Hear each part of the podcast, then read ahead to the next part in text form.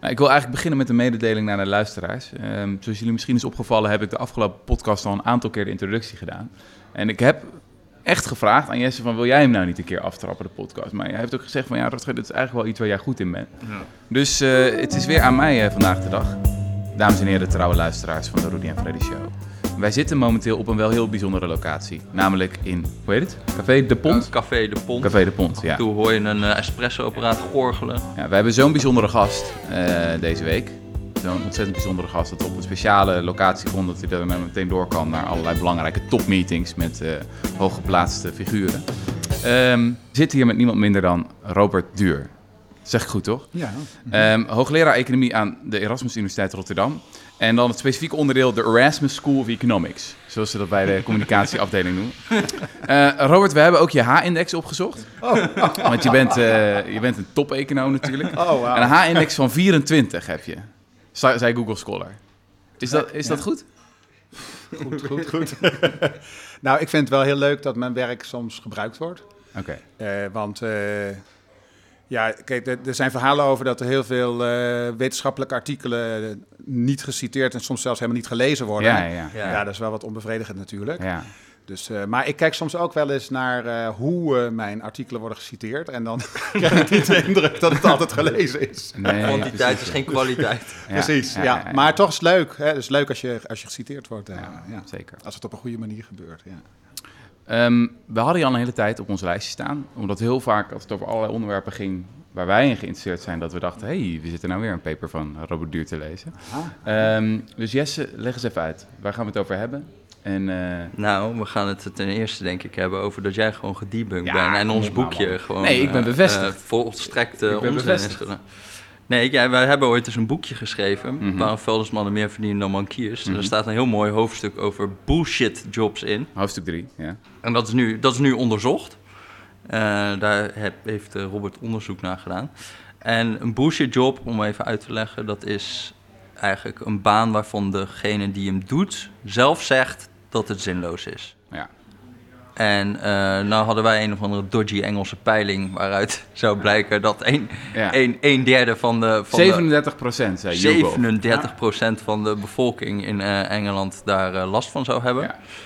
Ja. Maar jij hebt het echt onderzocht. Nog, wat- nog even korte introductie. Ja. Dus het begrip bullshit job het kwam van een Amerikaanse antropoloog David Graeber. Die schreef daar een essay over. Dat ging helemaal viral in 2013.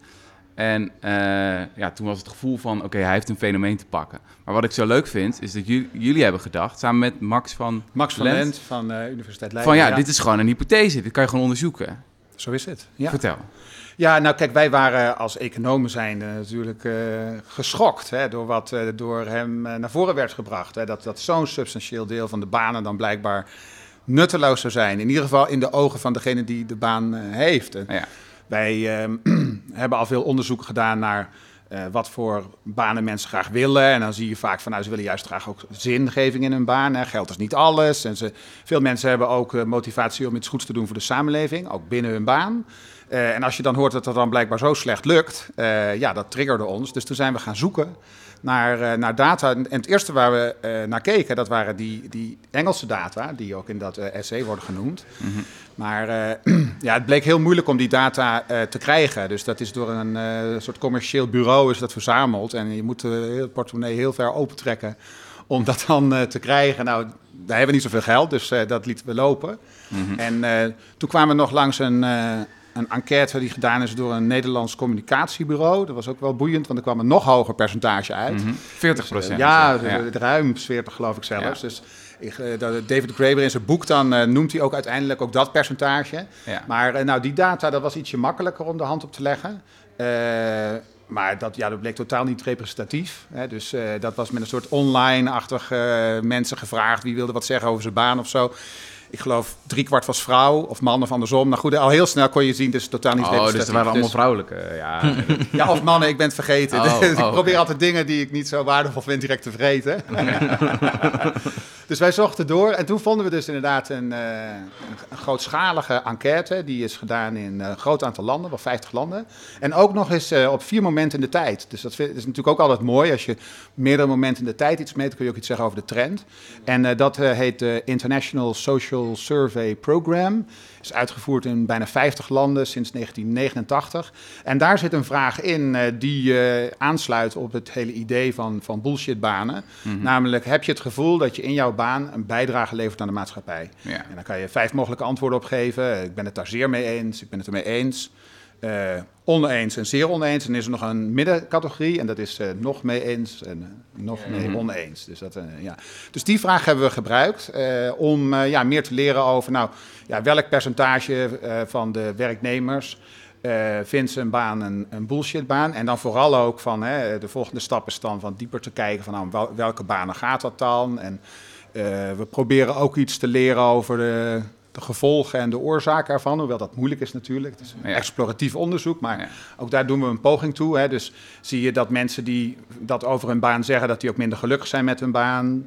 Zijn ze op zoek naar een andere baan? Uh, ja. dat soort dingen. Maar het was eigenlijk, eigenlijk een goudmijntje.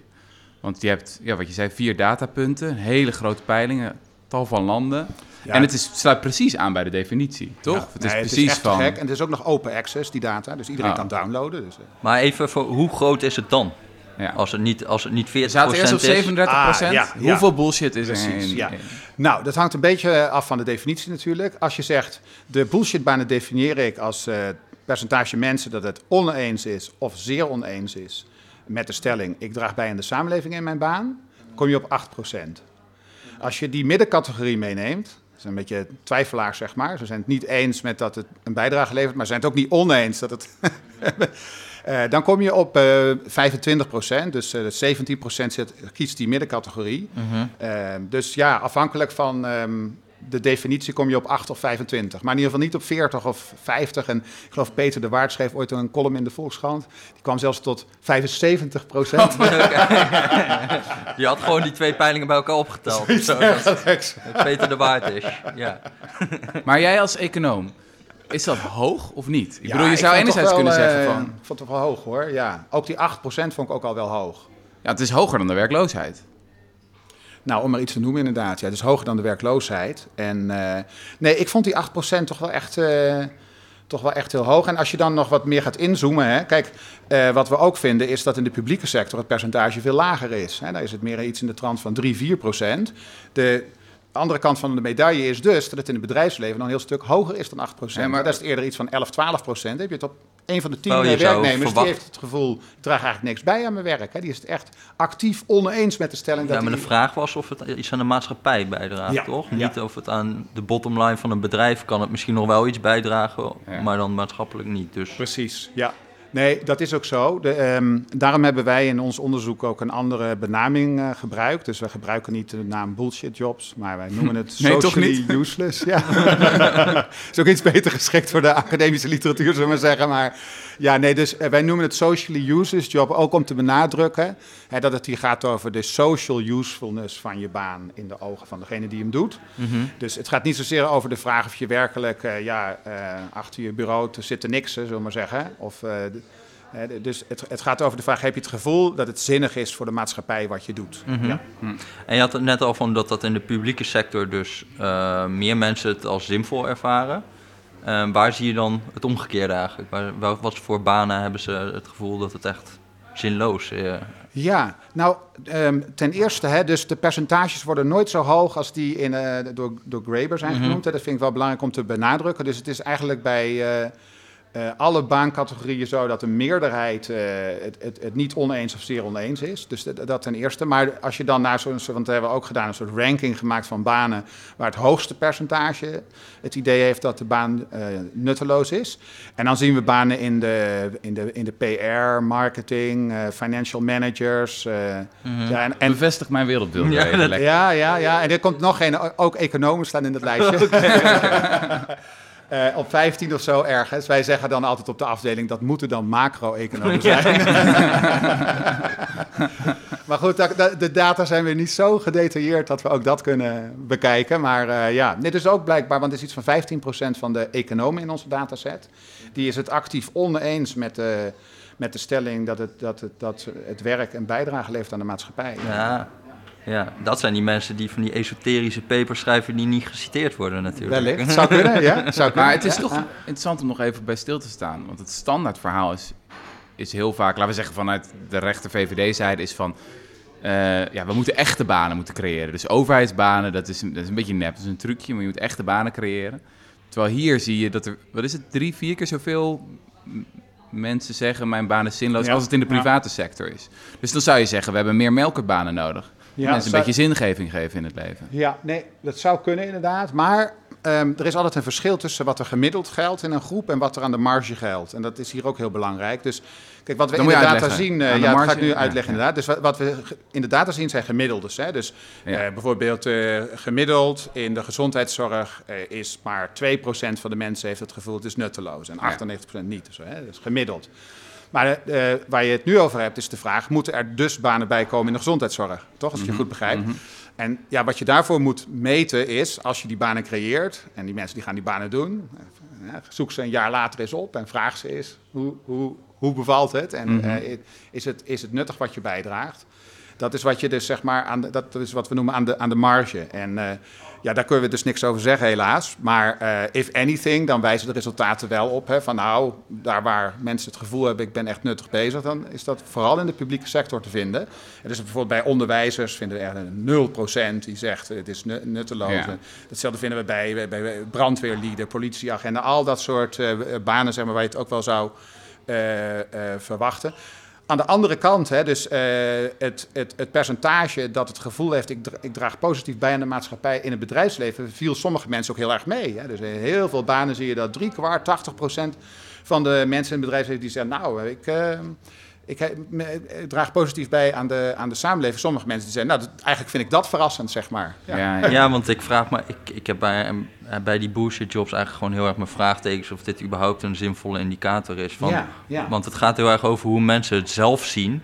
Ja, ik denk als je die baan doet en je ziet het zelf of volstrekt nutteloos, is de kans dat je vertrekt ook wel vrij groot. Want Ja, ja. Dus, dus je, ja, je kan moeilijk, denk ik, elke dag naar je werk gaan in de, in de, in de gedachte dat het echt volstrekt zinloos is. Nou, die ja, mensen zijn er ook wel natuurlijk hoor. Die heb ik ook wel eens gesproken van ja, ik heb een hypotheek te betalen of zo. Precies. Maar de Ja. kans lijkt me groot te worden dat je vertrekt op een gegeven moment. Daarom is het juist zo verrassend dat het nog zo groot is. Ik vind wel, heb je dat dan met collega-economen niet over? Want het legt, ik bedoel, het is natuurlijk een grappig paper in zekere zin, maar het is ook best wel een Nee, het is wel serieus confronterend bedoeld paper. ook, ja, Dus, ja, eh, ja. En ik bedoel, we hebben het in, in het parlement hebben we eindeloze discussies over de werkloosheid. Of we hebben discussies gehad over moeten we bezuinigen of investeren om meer mensen aan een baan te helpen.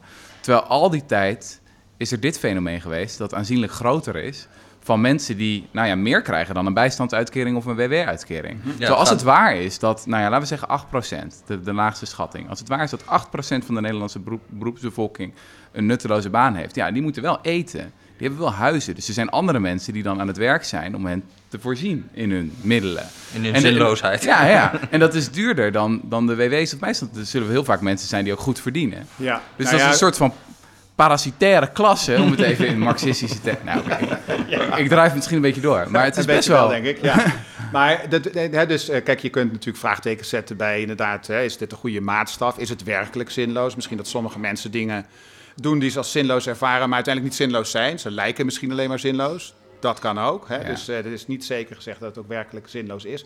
Neemt niet weg dat wat we hier in de data eh, zien, dat dat eh, toch wel eh, problematisch is, eh, vind ik. Eh, want eh, wat we ook in de data zien, is dat die mensen die eh, dat ervaren, dat die ook beduidend minder gelukkig zijn met hun baan. Nou, dat zou je ook wel verwachten. Ze zijn inderdaad ook op zoek naar een andere baan. Maar goed, inderdaad, die vinden ze niet altijd.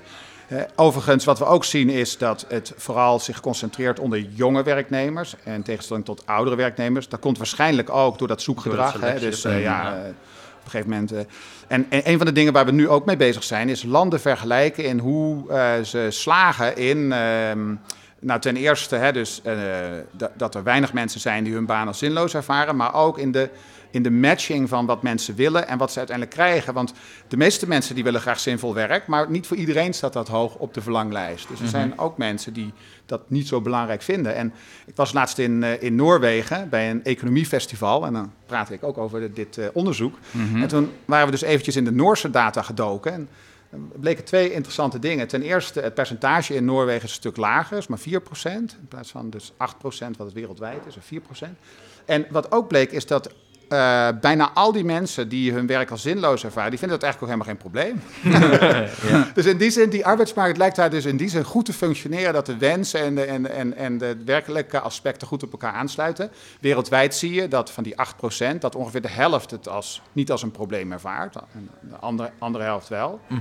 Ehm, dus eh, dat is ook een van de dingen waar we nu naar kijken. Van eh, hoe eh, arbe- arbeidsmarkten, die verschillend georganiseerd zijn over de wereld, hoe die zeg maar leiden tot uitkomsten in termen van ja, zowel het percentage mensen dat de baan als zinloos ervaart, maar ook de aansluiting van de wensen en de, de, Mhm. de realisatie, zeg maar. Want sommige mensen moeten hun hypotheek betalen. In sommige arbeidsmarkten is het makkelijker om te switchen, ook nog op Mhm. latere leeftijd, dan in andere. Hè. Dus ja, we Noorwegen verwachten een is hele... altijd overhitte arbeidsmarkt waarschijnlijk. Dus is de kans dat je kan switchen ook makkelijk. Ook groter, precies. Ja. dus dat zou je dan misschien ook wel verwachten. Hè? Ja. En eh, toch nog even terug over naar die vraag van...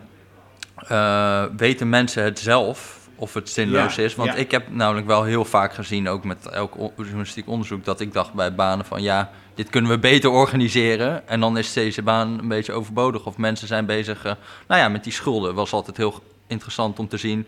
Zo- Zo'n gezin heeft dan eigenlijk één groot probleem, dat is dat ze schulden hebben. Daar komt heel veel stress vandaan en dan gaan ze slecht voor hun kinderen zorgen, gaan heel erg korte termijn denken.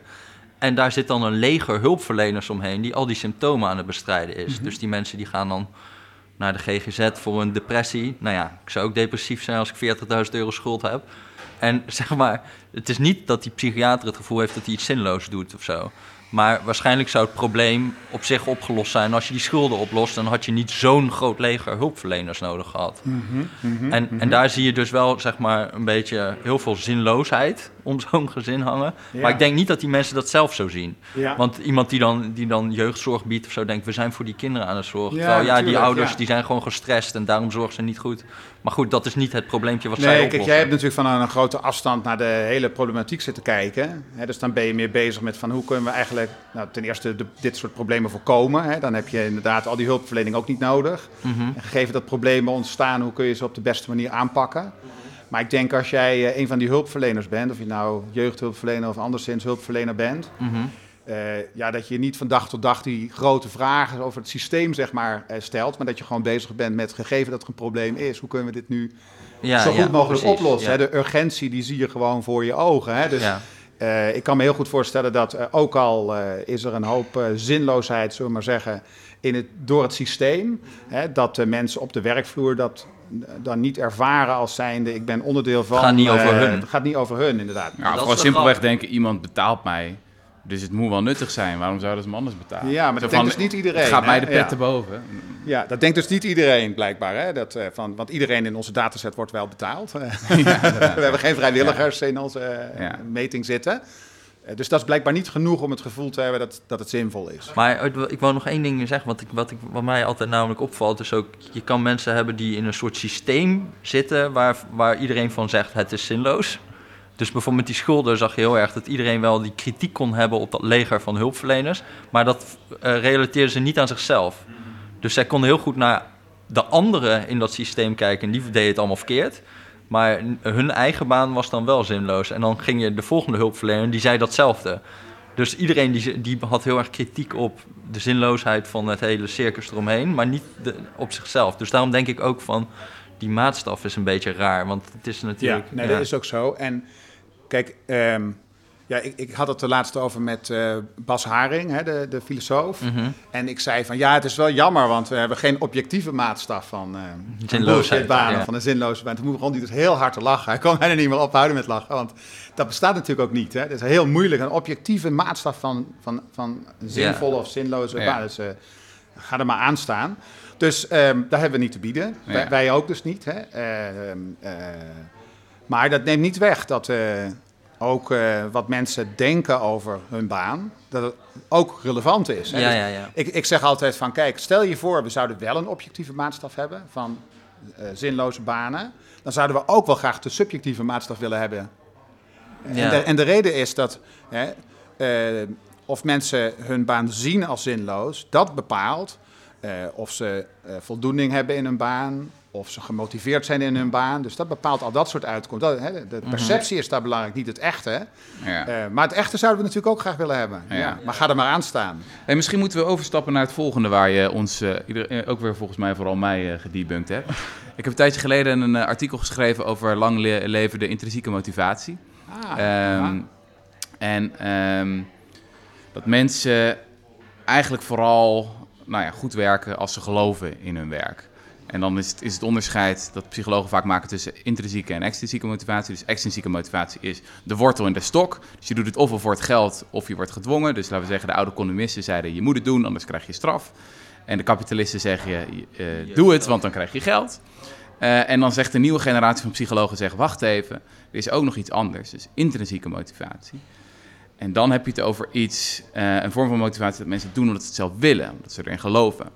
En die twee motivaties die tellen niet bij elkaar op, zeggen deze psychologen dan. Dus als je meer focust op extrinsieke, meer op die wortel in Je de stok zit, ja, dan verliezen mensen hun geloof in hun werk een beetje eigenlijk. En je had recent een interessante tweetstorm, want natuurlijk paste dit weer perf- perfect bij mijn wereldbeeld. Ik zei, eh, ja, basisinkomen, weg met de bullshit jobs, alles op de intrinsieke motivatie. Maar je had er later wat kritische kanttekeningen bij. Vertel. Ja, nou, er was een stuk in de New York Times eh, van, ehm, hoe heet hij ook weer? Elfie Eh, Cohn. Precies, ja, want die heeft zijn boek weer geüpdate. Die heeft zo'n Ja. mooi boek, dat heet eh, Gest- Gestraft door beloningen of zoiets Ja. dergelijks. Hè? Dus dat beloningen eh, uiteindelijk ja, slecht zijn voor de moti- motivatie, dat is eigenlijk zijn, zijn stelling. En het, hij gebruikt daarbij ja, allerlei bevindingen uit de sociale wetenschappen, met name de psychologie, om dat te onderbouwen. Mhm.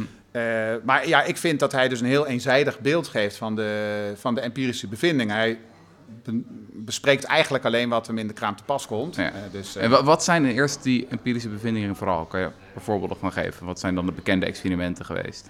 Ja, dus de, de experimenten in de jaren 70 van de vorige eeuw, dat was vooral met eh, kinderen die dan eh, tekeningen maakten. Ja. En dan eh, was er een conditie waarin kinderen beloond werden met een snoepje of zo voor de, voor de tekening. En ja, dan was de belangrijkste uitkomst eigenlijk van als je dan vervolgens nog een keer aan de kinderen vraagt: wil je een tekening maken? Dat dan de kinderen die een snoepje hadden gekregen voor een tekening, dat die zeiden, nou, die zeiden vaker: nee, ik ga geen tekening maken, ik ga, wat, ik ga wat anders doen. Dus dan was het idee, hè, de intrinsieke motivatie is werkelijk schade toegebracht. Hè. Die, is, die is weggenomen, per, semi-permanent. eh, Weggenomen door die tijdelijke beloning. Dat was zeg maar een beetje het, eh, het idee. En eh, ja, vervolgens is dat in een heleboel andere contexten ook eh, onderzocht. Eerst vooral met studenten in het lab. Dus dan eh, laat je studenten aan eh, ja, bepaalde puzzels werken of zo. Dan- een tekening maken. ja, soms zelfs ook een tekening. En dan, hè, dan wil je ook weer, sommigen krijgen een beloning, anderen niet. En je gaat dan kijken of dat iets met hun intrinsieke motivatie doet. Ehm, en uiteindelijk eh, zijn ook, eh, maar dat zijn denk ik vooral toch economen geweest die het idee ook naar het veld hebben gebracht. Hè? Dus eh één één zo'n studie is bijvoorbeeld eh, bij, een, bij een bedrijf waar ze een soort ideeënbox hebben. En eh, nou, de, de bijdrage aan de ideeënbox door werknemers, dat berustte altijd op gewoon intrinsieke motivatie. Heb je een idee, kom maar mee, zullen we maar zeggen. Ja. Hè? Ehm, maar wat ze daar dan gingen doen was, eh, nou, eh, wat gebeurt er nu als je dat gaat belonen, dat mensen met een goed idee komen? En eh, wat ze daar zagen was van, nou, toen die beloning er was, kwamen meer mensen met een idee. Eh, de kwaliteit van de ideeën was ook goed nog steeds, dat, deed het ook geen afbreuk aan. En toen op een gegeven moment werd dat weer afgeschaft, die beloning. En dan gingen ze kijken, blijven nu de ideeën eh, komen? Dus nou, de psychologen op basis van de jaren 70 studies zouden dan zeggen, oh nee, nu dat er beloond is, dan is de intrinsieke motivatie is weggenomen. Maar dat, dat zien ze eigenlijk niet, niet terug. Het gaat gewoon weer terug naar het basisniveau van voordat de beloningen werden geïntroduceerd. Nou, en dat zie je wel, wel, eh, wel vaker terug. En ja, wat ik dus eh, ja, toch wel echt eh, kwalijk vond aan dat stuk van, van Elfie Cohn in de New York Times, is dat door beloningen als, ja, als beleidsinstrument op die manier weg te zetten, door eigenlijk alleen maar hele eenzij, heel eenzijdig naar de literatuur te kijken, neem, als mensen dat serieus nemen, die dat lezen, dan neem je ze eigenlijk ook een belangrijk instrument uit handen. Hè? Dus, dus bijvoorbeeld op het gebied van eh, van bloeddonatie is ook een hele discussie hierover Ja. gaande. Hè? Dus eh, jarenlang was dat een van de favoriete voorbeelden van mensen die tegen beloningen zijn. En van, oh, bloeddonatie, dat kan je echt niet eh, met beloningen werken. Dat werkt ook heel slecht en zo. Hè?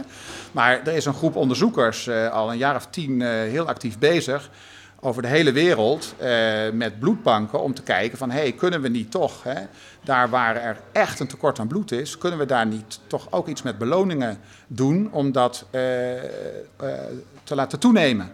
En waarbij er natuurlijk ook uitdrukkelijk wordt gekeken naar eh, allerlei kwaliteitsaspecten. En eh, de resultaten van die studies die zijn eigenlijk best heel gunstig eh, voor die beloningen. Hè? En dan kan je, ja, dan, dan, dan gegeven de ernst van de problematiek, kunnen we niet op basis van een eenzijdige bespreking van literatuur Nee. zeggen, nou, dan moeten we er gewoon niet meer aan denken of zo. Nee, dat is je. gewoon dus dat vind ik dan in die zin echt wel kwalijk. Ja. Dus het wordt ook niet weggedrukt. Is, want dat is vaak ook een beetje de, de, de, de these, toch? Van ik geloof al die, eh, een van die clichés, volgens mij Israëlische kinderdagverblijf of zo. Cliché is een hele mooie studie. is Hele dat. mooie, hele mooie wel, maar... Vertel hem even in geur en kleur. Nou, misschien kan jij het beter, ik weet niet meer zo Ja, ik goed. vertel hem elk jaar aan de studenten in Oh, kom dan, Ja, ja. want eh, kijk, ik ben. eh, het, het is niet zo dat ik denk dat beloningen altijd goed werken. Mhm. Integendeel, dus eh, ik, er zijn prachtige studies en deze is er één van die laten zien dat beloningen soms heel slecht werken. Dus de setting is als volgt: er is een, eh, een groep kinderdagverblijven in, in Israël en het probleem dat er speelt is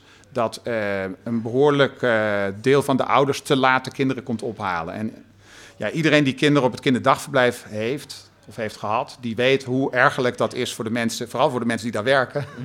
Maar ook voor de kinderen zelf trouwens. Maar, hè, want het is meestal al een lange dag geweest. Eh, kinderen zijn moe. En als ze dan om zes uur nog steeds niet opgaan, weet je, dan gaan huilen en blaren en ruzie maken en toestanden. Dus het is de kinderdagverblijf er echt wat aan gelegen gewoon dat de ouders op tijd komen. Nou, en eh, dat, die, dat die groep van eh, kinderdagverblijven in Israël, eh, het management daarvan, dat dacht: hey, ehm, kunnen we niet iets aan dit probleem doen door mensen die. Eh, ouders die hun kind te laat komen ophalen om die een, een boete te geven. Dat was eigenlijk het idee. En wat heel goed was aan eh, eh, hun benadering, dat was dat ze niet zo zeker waren of dit nou wel goed zou werken. En dus werkten ze samen met economen om het uit te vinden. Dus ze zetten een experiment op. En dus in plaats van het direct helemaal uit te rollen over alle kinderdagverblijven, probeerden ze het eerst eens uit bij een willekeurig deel van de kinderdagverblijven. En bij de andere kinderdagverblijven in de, in de keten lieten, ze, dat nog even niet. In, de, introduceerden ze dat nog niet. Nou, en wat zagen ze?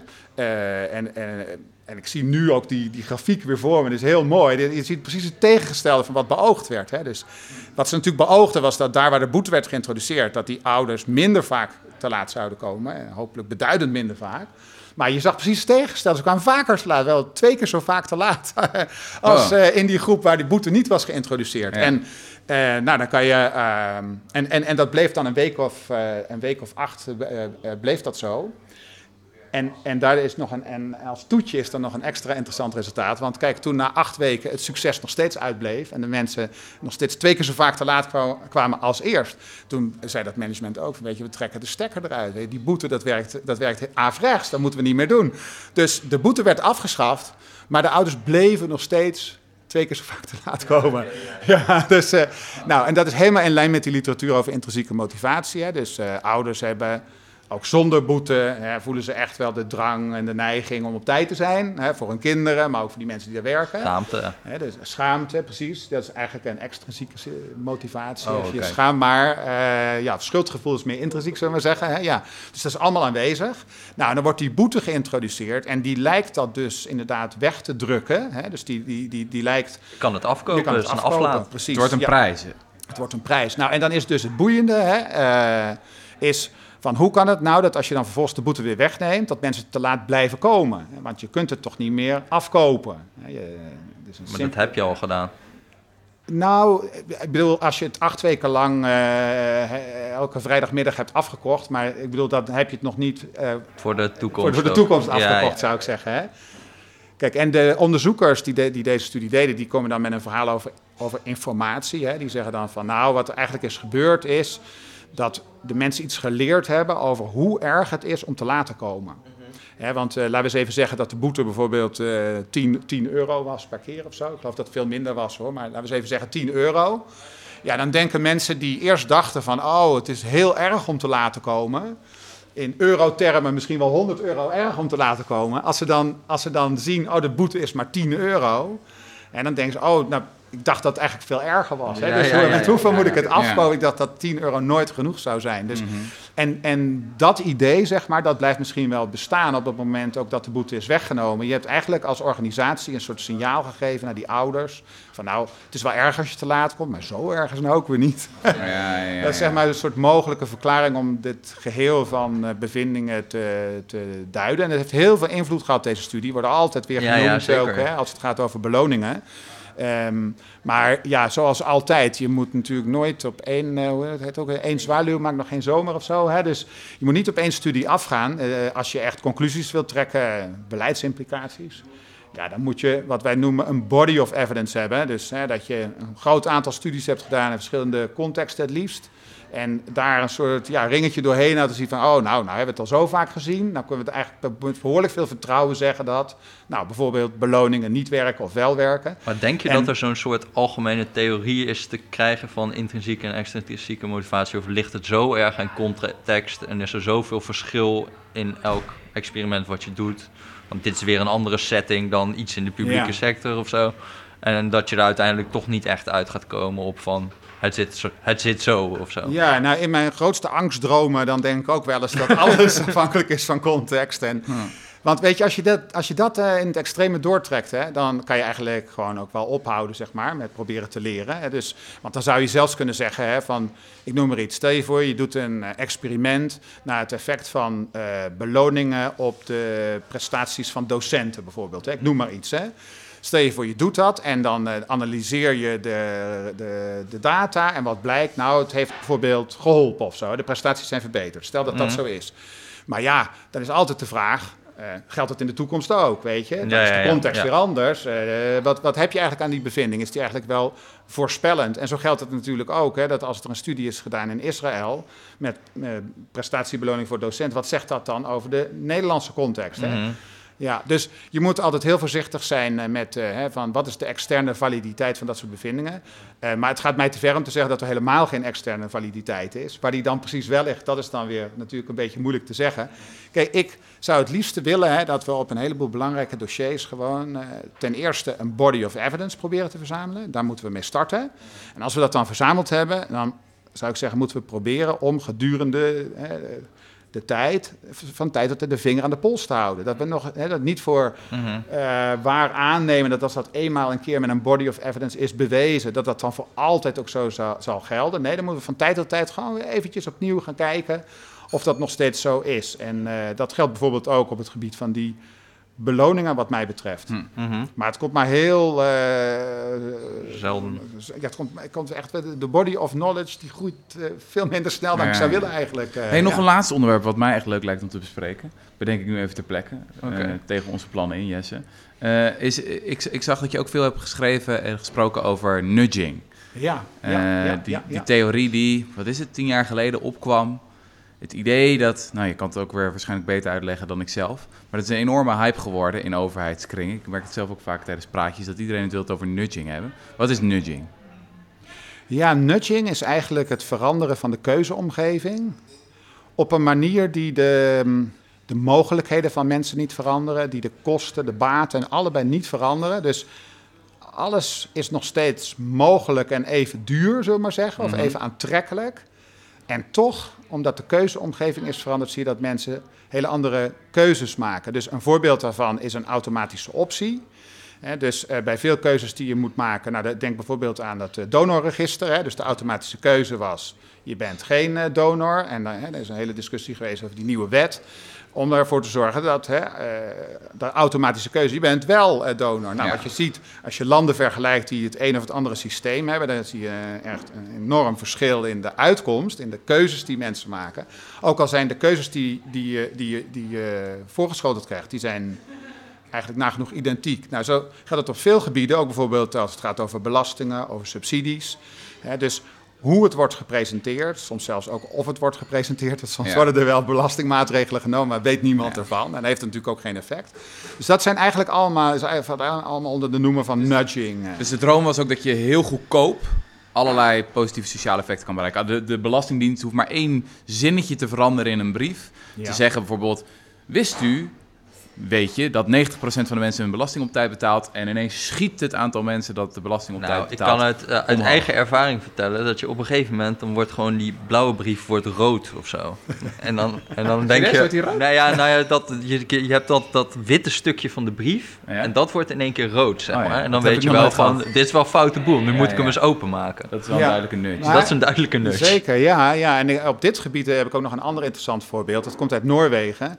Wat ze in Noorwegen deden was, eh, de Belastingdienst deed gewoon een simpel foldertje bij de aanslag.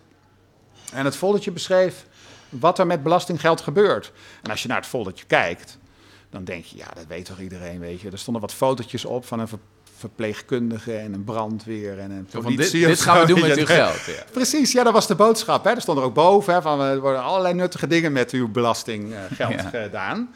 Ja, weet je, in eerste instantie zou je toch denken, wat, heeft, wat kan dat nou voor een effect hebben? Maar ze vonden substantiële effect. Het heeft eh, miljoenen meer kronen de belastingkas in doen stromen. Nou was het ook wel zo, hè, ze hadden ook wel de brief eh, goed getarget. Dus ze stuurden dat vooral naar mensen die een beetje dicht bij de grens wonen. En die een hele dure auto hebben in vergelijking met het inkomen dat ze volgens de Belastingdienst hebben. Dus die waarschijnlijk over de grens het een en ander. Hè. Dus het was wel een bepaalde groep zeg maar, die daar getarget werd. Maar de manier waarop die getarget werd. Dus, eh, hè, dus met een soort van ja, eh, advertentie van nou, er gebeuren goede dingen met je belastinggeld. Dat, ik stond er wel van te kijken dat het zo'n groot effect had. Overigens, dit was een grootschaliger experiment, waarbij sommige andere willekeurig gekozen meer een soort van brief kregen, zoals jij net zei, met een rode balk of zo. van eh, weet dat we controleren en weet dat er boetes zijn. Dat, dat soort dingen, met het dreigen, zeg maar. Dat had trouwens ook een substantieel effect, in vergelijking met de standaardbrief. Ehm, en ehm, toen hebben ze, dat is ook wel bijzonder aan dit experiment, ze hebben ook een jaar later gekeken van beklijft het. Dan zie je een langdurig effect. Wat je daar zag was dat de folder met de fotootjes van de brandweer en de politie, dat had geen langdurig effect. Eh, maar de, eh, de dreiging had wel een langdurig, die bleef wel langer hangen zeg maar, in de hoofd van, eh, Hmm. dat zijn de resultaten. Nou, zijn denk ik belangwekkende resultaten. In Nederland is de Belastingdienst ook druk met dit soort dingen. Het enige jammere is dat we er zo weinig van horen. Eh, dus eh, ik heb daar ook wel eens mensen van de Belastingdienst over aangesproken. Van, goh, wanneer eh, kunnen we nou eens er wat over teruglezen wat jullie allemaal doen en wat de resultaten daarvan zijn? En dan bedoel ik dus inclusief de technische dingen die wij onderzoekers dan willen zien. Hè? Wat is de sample size en hoe heb je dat dan gekozen? En, Mhm. maar gewoon om te wegen, hè, wat is de evidence waard? En ik, het zou mij veel waard zijn als de Nederlandse Belastingdienst daar veel meer mee naar buiten kwam. Want, nou, om te beginnen, ik, ik, ik denk dat we daar als samenleving graag iets over willen weten, wat de Belastingdienst doet. En daar misschien ook over willen schrijven en een oordeel over willen hebben. Daarnaast hebben we allerlei lokale belastingdiensten, in steden, gemeenten, die iets kunnen leren van dit soort bevindingen. Hè. Mhm. Eh, eh, en ook in het buitenland zie ik dat er enorme belangstelling voor is. Hè. Dus bijvoorbeeld die Noorse studie. Eh, nou, dat is een inspiratiebron voor weer belastingdiensten elders in de wereld. Nou, zo kan de Nederlandse Belastingdienst ook als een inspiratiebron zijn. Of als een fact-check. En, eh, om die body of evidence zeg maar, op te bouwen. Dus dat zou ik echt wel heel leuk vinden en belangrijk vinden als eh, de Nederlandse Belastingdienst wel wat meer zou delen van Ja. wat ze doen. Ja. En je had er nu een paar studies waar hele substantiële effecten zijn. Is het niet met die nudge? Ik heb het idee dat we echt een beetje peak nudge bereiken. Want heel Peak veel- nudge. Ja, van dat, dat er zoveel, Lekker. dat heel veel dingen gewoon niet, niet zo heel veel Ik vind het ook een beetje dat hele nudging. Kijk, het is ook wel begrijpelijk dat in de tijd van polarisatie en zo, dat juist ambtenaren hierop duiken. Want het is iets van, nou, het is niet links, het is niet rechts. Je hebt effecten die iedereen wil, namelijk we gaan meer belasting betalen. Ik weet niet, ik heb soms het gevoel dat nudging dan juist ook populair werd in de tijd van ideeënarmoede. Zo van, we gaan eh, werkloosheid of zo, naar het idee dat we banen gaan creëren, dat gaan we natuurlijk toch niet doen. En we mogen allemaal dingen niet meer. Maar een, een zinnetje aanpassen in een brief van de Belastingdienst, dat mag nog wel. Jee, we gaan nudgen. En dat heeft fantastische, enorme Ja. effecten. Nou ja, ik ben het helemaal met je eens. We moeten het hier ook niet bij laten. Hè. Dus wat ik probeer te doen is die, die trein die op gang is gekomen... en die dus gaat over zinnetjes in brieven en de, en de kleur van de envelop en dat soort dingen. Maar hè, om die trein vooral flink harder door te laten rijden... zodat het ook over substantiëlere dingen gaat. En eh, dus eh, ja, anderhalve week geleden of zo, toen sprak ik ook op een dag, eh, dat heet dan de Dag van het Gedrag. Mhm. Zaten, ik geloof wel, 500 ambtenaren van, vooral van ministeries, die zaten daar. Mhm. eh, om te praten over dit soort dingen. Mhm. En eh, Ja, dus ik heb geprobeerd van nou, hoe kunnen we dit, want dat was ook het thema, de, next level. Hè, wat moet hier nu de volgende stap zijn? Hè? Dus dat, dat wordt ook onder de ambtenaren wel gevoeld. Hè, van nou, dat is leuk. We hebben, we hebben nu inmiddels op veel gebieden al wel eens een brief een beetje eenvoudiger gemaakt. Of dat we überhaupt eens een brief sturen, zullen we maar zeggen. Hè? Of eh, nou, dat, dat type dingen, zeg maar. Hè? Maar het, de, de, de behoefte van nou, nou moeten we de volgende stap nemen, die wordt wel echt gevoeld. En wat ik dus echt hoop is dat we dan ook in stand zullen houden, is die eagerness om dan ook te leren. Hè? Want dat is wel heel mooi aan dat hele nudge-verhaal. Hè? Dus ook omdat veel mensen denken, ach, wat kan zo'n zinnetje nou uitmaken, wordt dat meestal wel echt als een experiment eerst uitgeprobeerd. Hè? Zodat je kunt zien of het ook werkelijk wat uh, doet. En ik hoop dat we dat ook echt kunnen uh, vasthouden. -hmm. Ja. En, en, en dus dat is misschien nog een breder punt binnen de overheid. Denk je dat er nu genoeg van die dingen goed worden geëvalueerd. Want ik lees dan wel eens beleidsevaluaties en meestal is dat we gaan eens even bellen met iedereen die dit heeft gedaan en geef er een cijfer aan op een schaal van 1 tot ja. 10. Geef de 7. Van, uh, ja, zo. ja, ik vond nee, uh, een 7. Dus straffen in de bijstand of zo. Van wat is het effect daarvan? Dan wordt gewoon gekeken van wat vinden de betrokkenen ervan. Ja, boeien. Dat is niet. Dus echt. ik ben het er helemaal mee eens. Er wordt veel te, veel te weinig geëvalueerd. En de evaluaties die plaatsvinden zijn ook van te slechte kwaliteit over het algemeen. En ik vind ook dat uh, de Rijksoverheid, die moet daar ook veel meer een coördinerende en initiërende rol spelen. Want we hebben zo'n hele decentralisatieoperatie gehad. Hè, dat uh, provincies, gemeenten, waterschappen, die kregen heel veel meer taken. En wat je toen zag, dat best wel veel mensen in Den Haag die zeiden: Oh, nou, dat is mooi. Want dan gaan ze dat lokaal allemaal net een beetje anders aanpakken. En dan kunnen we dan straks heel veel over leren. Maar dat is natuurlijk helemaal niet waar. Hè? Allemaal Want, andere definities, totale warboel. Precies, ja. Hè? Dus in een gemeente waar bijvoorbeeld uh, met straffen in de bijstand wordt gewerkt. Nou, er zijn nog wel een heleboel andere dingen in het beleid wat betreft bijstand. Maar ook op andere gebieden anders dan in een gemeente waar de straffen zoveel mogelijk achterwege blijven. Hè? Dus ja. die gemeente die verschilt op allerlei manieren. Op die manier ga je echt niet uh, leren over beleid. Wat daarvoor nodig is, is dat je een groep, bijvoorbeeld een groep gemeenten bij elkaar zet. Die zegt, nou, wij zijn nu benieuwd naar, nou jij noemde straf in de bijstand, of die straf in de bijstand eigenlijk wel goed zijn. Of dat nou eigenlijk wel brengt wat we ervan verwachten. Dus je brengt een grote groep gemeenten bijeen die daar nieuwsgierig naar is. Um, nou, en dan zet je een experiment op. Hè? Dus dan, dan, ga je in een willekeurig deel van die gemeente, ga je die straffen bijvoorbeeld een, een aantal jaren afschaffen. Uh, of als ze er nog niet zijn, juist introduceren. Maar hè, dus dat waar je benieuwd naar bent, dat ga je uitproberen. En dan uh, ben je ook geduldig. Dus je houdt een aantal jaar de vinger aan de pols om te kijken wat het doet. Mm -hmm. En dan trek je conclusies. En, uh, maar kijk, die gemeenten, elk op zich, die gaan dat niet doen. Weet je, die zijn daarvoor te klein. Sommigen proberen het wel. Maar dan zijn de resultaten meestal ook heel teleurstellend. Want eigenlijk bijna alle gemeenten, misschien behalve Amsterdam en Utrecht, bijna alle, en Rotterdam, bijna alle andere gemeenten zijn eigenlijk te klein om een goed experiment ja, te doen. Ja, dus je hebt elkaar nodig, maar je vindt elkaar niet. En wat daarvoor nodig is, ja, dat is bijvoorbeeld in dit geval het ministerie van Sociale Zaken, op andere terreinen het ministerie van Binnenlandse Zaken, die zegt, op, bijvoorbeeld op een jaarlijks VNG-congres of zo, hè, van luister eens, dit is onze kennisagenda. Wij denken graag op deze thema's te leren, dat hij, op basis van dat we met, met gemeente gebeld of zo, is deze lijst ontstaan. En je kunt je in de pauze kun je, kun je, je aanmelden als je mee wilt doen aan het, aan het experiment de komende jaren. En dan gaan we ook een beetje ondersteunen met wat budget en zo, hè, want mm -hmm. daar wordt geleerd waar we als hele maatschappij iets aan hebben. Dus daar mag ook best wel wat uh, cent, uh, geld in van, op reisniveau. Maar zitten mensen daar eigenlijk wel op te wachten? Ik heb, een idee, ik heb een idee. Aanbeveling van de Rudy en Freddy Show. Wat nou als we in Nederland, zeg maar naast het SCP, Sociaal Cultureel Planbureau, en het CPB, een soort van experimenteel bureau doen? EB mag wat mij betreft aan de Erasmus School of Economics zitten. met, met professor Robert Duur als eventuele directeur-generaal. Maar dan ga je gewoon de hele tijd, systematisch heb je gewoon een budget. Je gaat allerlei experimenten van alles doen. Het mag ook alles zijn. Dus als, als rechts Nederland zegt van we moeten mensen meer lijfstraffen gaan geven, prima, gaan we testen. Experimentele groepen. Uh, als links Nederland zegt van we die basisinkomen, dat is fantastisch. Zullen we wel even een ethische commissie maar, opzetten? Maar gewoon wat vaker dingen proberen in plaats van van tevoren al roepen dat je weet hoe het zit. Heeft, is er een overheid wereldwijd die zoiets heeft? Van gewoon een, een, een, bureau dat aan de lopende band dit soort veldexperimenten organiseert? Uh, voor, voor, zover ik weet niet. En uh, ik, ben, ik, ben daar redelijk in ingevoerd, dus ik denk dat dat niet bestaat. Uh, wat er wel is in verschillende landen, dat is zo'n Behavioral Insights team. Hè? Ja. Dus, dat, dat, dat zijn die nudge mensen weer een beetje. Precies, dus dat zijn dan weer een beetje die nudge mensen. Maar die bemoeien zich wel met alles. Hè? Dus dat, is, dat komt in die zin wel een beetje overeen. Dat gaat over onderwijs, belasting, noem maar een heleboel verschillende gebieden zijn ze druk. Maar daar is de instrumentenset weer een beetje beperkt. Hè? Want dan gaat het over zinnetjes en brieven en zo. Hoewel dus er wel een neiging is op dat op te schalen. Um, of misschien moet het CPB het zelf gewoon worden. CPB houdt op met doorrekeningen, al die onzin. Meer, hoor. En ze nou, gaan gewoon alleen maar experimenten organiseren. Ja, nou, ik, zou, ik ben niet uh, voor om het CPB te laten ophouden met doorrekenen. Dat lijkt me heel, hele nuttige exercities. maar je kunt het CPB natuurlijk ook groter, gewoon, gewoon groter maken. Hè?